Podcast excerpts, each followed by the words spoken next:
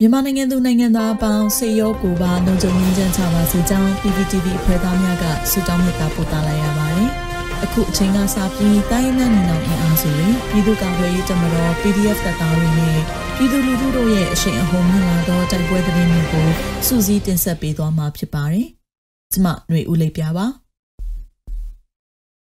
ထမဆုံးအနေနဲ့မင်းကင်းမြို့နယ်မှာ PDF ပူးပေါင်းအဖွဲ့ကြီးတိုက်ခိုက်မှုကြောင့်စစ်ကောင်စီတပ်များအထိခိုက်များခဲ့တဲ့သတင်းတင်ဆက်ပေးမှာပါ။စကိုင်းတိုင်းမင်းကင်းမြို့နယ်တွင်မင်းကင်းမြို့နယ်အခြေဆိုင် PDF တောင်တွင်းနှင့် PDF ကနီပူးပေါင်းတိုက်ခိုက်မှုကြောင့်စစ်ကောင်စီတပ်များအသေးအပြောက်အလွန်များပြားနေကြောင်းသက်ဆိုင်ရာဒေသကာကွယ်ရေးတပ်များကသတင်းထုတ်ပြန်ပါတယ်။မင်းကင်းမြို့နယ်တောင်တွင်း PDF ကနီ PDF ပူးပေါင်းနှင့်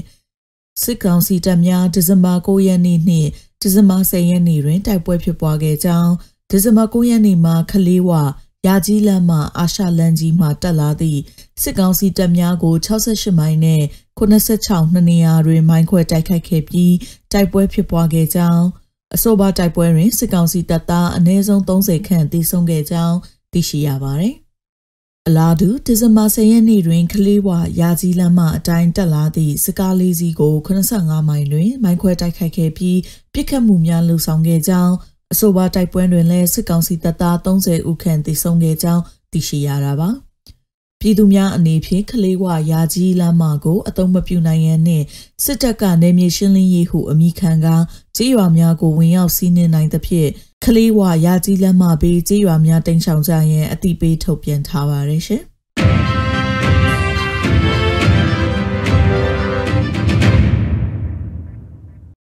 ဆက်လက်ပြီးတင်ဆက်မှာကတော့စားလင်းကြီးမြို့နယ်တွင်အကြမ်းဖက်စစ်ကောင်စီကား၃စီးကို OSDF နှင့်မဟာမိတ်ညီနောင်များမိုင်းဆွဲတိုက်ခိုက်စစ်ကောင်စီတပ်သားများထိခိုက်ကြဆုံးမှုများတဲ့တရင်မှာ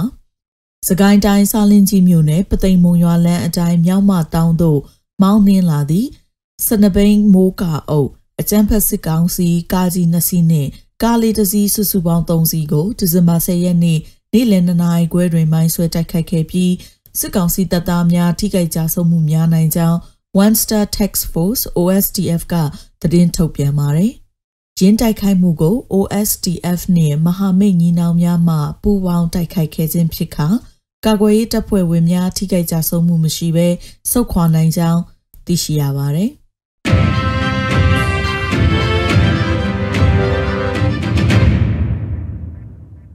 ဆက်လက်ပြီးပုလောမှာစစ်ကောင်စီတပ်နဲ့ KNU PDF ပူးပေါင်းတပ်များတိုက်ပွဲဖြစ်ပွားကကနဦးသတင်းအရစစ်တပ်ဘက်မှ3ဦးသေဆုံးတဲ့သတင်းတင်ဆက်ပေးမှာပါ။ တနင်္လာရီတိုင်းမြိတ်ခရိုင်ပုလောမြို့နယ်က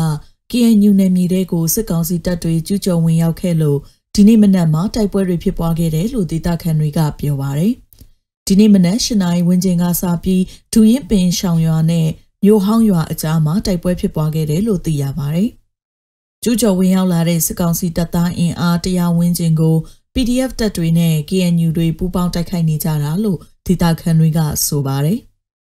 လက်ရှိအချိန်ထိစစ်ကောင်စီတပ်သားတွေဘက်က3ဦးသေဆုံးခဲ့တယ်လို့ကနဦးသတင်းတွေအရသိရှိရပါတယ်။စစ်ကောင်စီတပ်သားတွေကဒူရင်ပင်ရှောင်ရွာသား30ဝန်းကျင်ကိုဖမ်းဆီးထားပြီးနှိပ်စက်မေးမြန်းတာတွေလှုပ်ဆောင်နေတယ်လို့ဒေသခံတွေကဆိုပါတယ်ရှင်။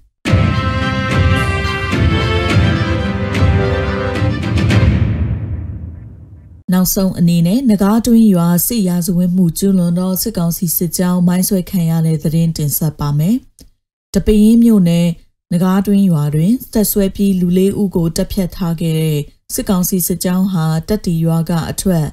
ဒီနေ့ဒီဇင်ဘာ17ရက်နေ့မှာတော့မိုင်းဆွဲတိုက်ခိုက်ခံရတယ်လို့အထိနာသွားတယ်လို့ဒီပြင်း PDF ကထုတ်ပြန်ထားပါတယ်။စက္ကစတပ်များဟာတက်တီရွာလေပြင်းကွက်ရွာများမှညအိပ်ပြီးဆက်လက်ထွက်ခွာလာရာအင်ပုတ်ရွာအဝင်းမြို့နယ် ပကဖတပ်ဖွဲ့ဝင်ဒေသကာကွယ်ရေးတပ်များမိုင်းဆွဲတိုက်ခိုက်ခဲ့တာဖြစ်ပြီးအထိအခိုက်အကျအဆုံးများနိုင်ကြောင်းနဲ့စည်ရင်အတိအကျမသိရသေးကြောင်းတပင်း PDF ကထုတ်ပြန်ထားပြီးစစ်ကောင်စီဘက်ကတော့တစုံတရာထုတ်ပြန်ထားတာမရှိပါဘူး။တပင်းမှာဒီဇင်ဘာလဆန်းစကလေးကစစ်ကောင်စီနဲ့ဒေသကာကွယ်ရေးတပ်တွေအကြားထိတွေ့တိုက်ပွဲတွေဖြစ်ပွားနေပြီးစစ်ကောင်စီတပ်တွေအထိနာခဲ့လို့လေကြောင်းပစ်ကူပါယူခဲ့ရတဲ့အထိ တိုက်ပွဲတွေပြင်းထန်ခဲ့ပါတယ်ရှင်။ရေတော်ဘုံအောင်ရမည်ရေတော်ဘုံအောင်ရမည်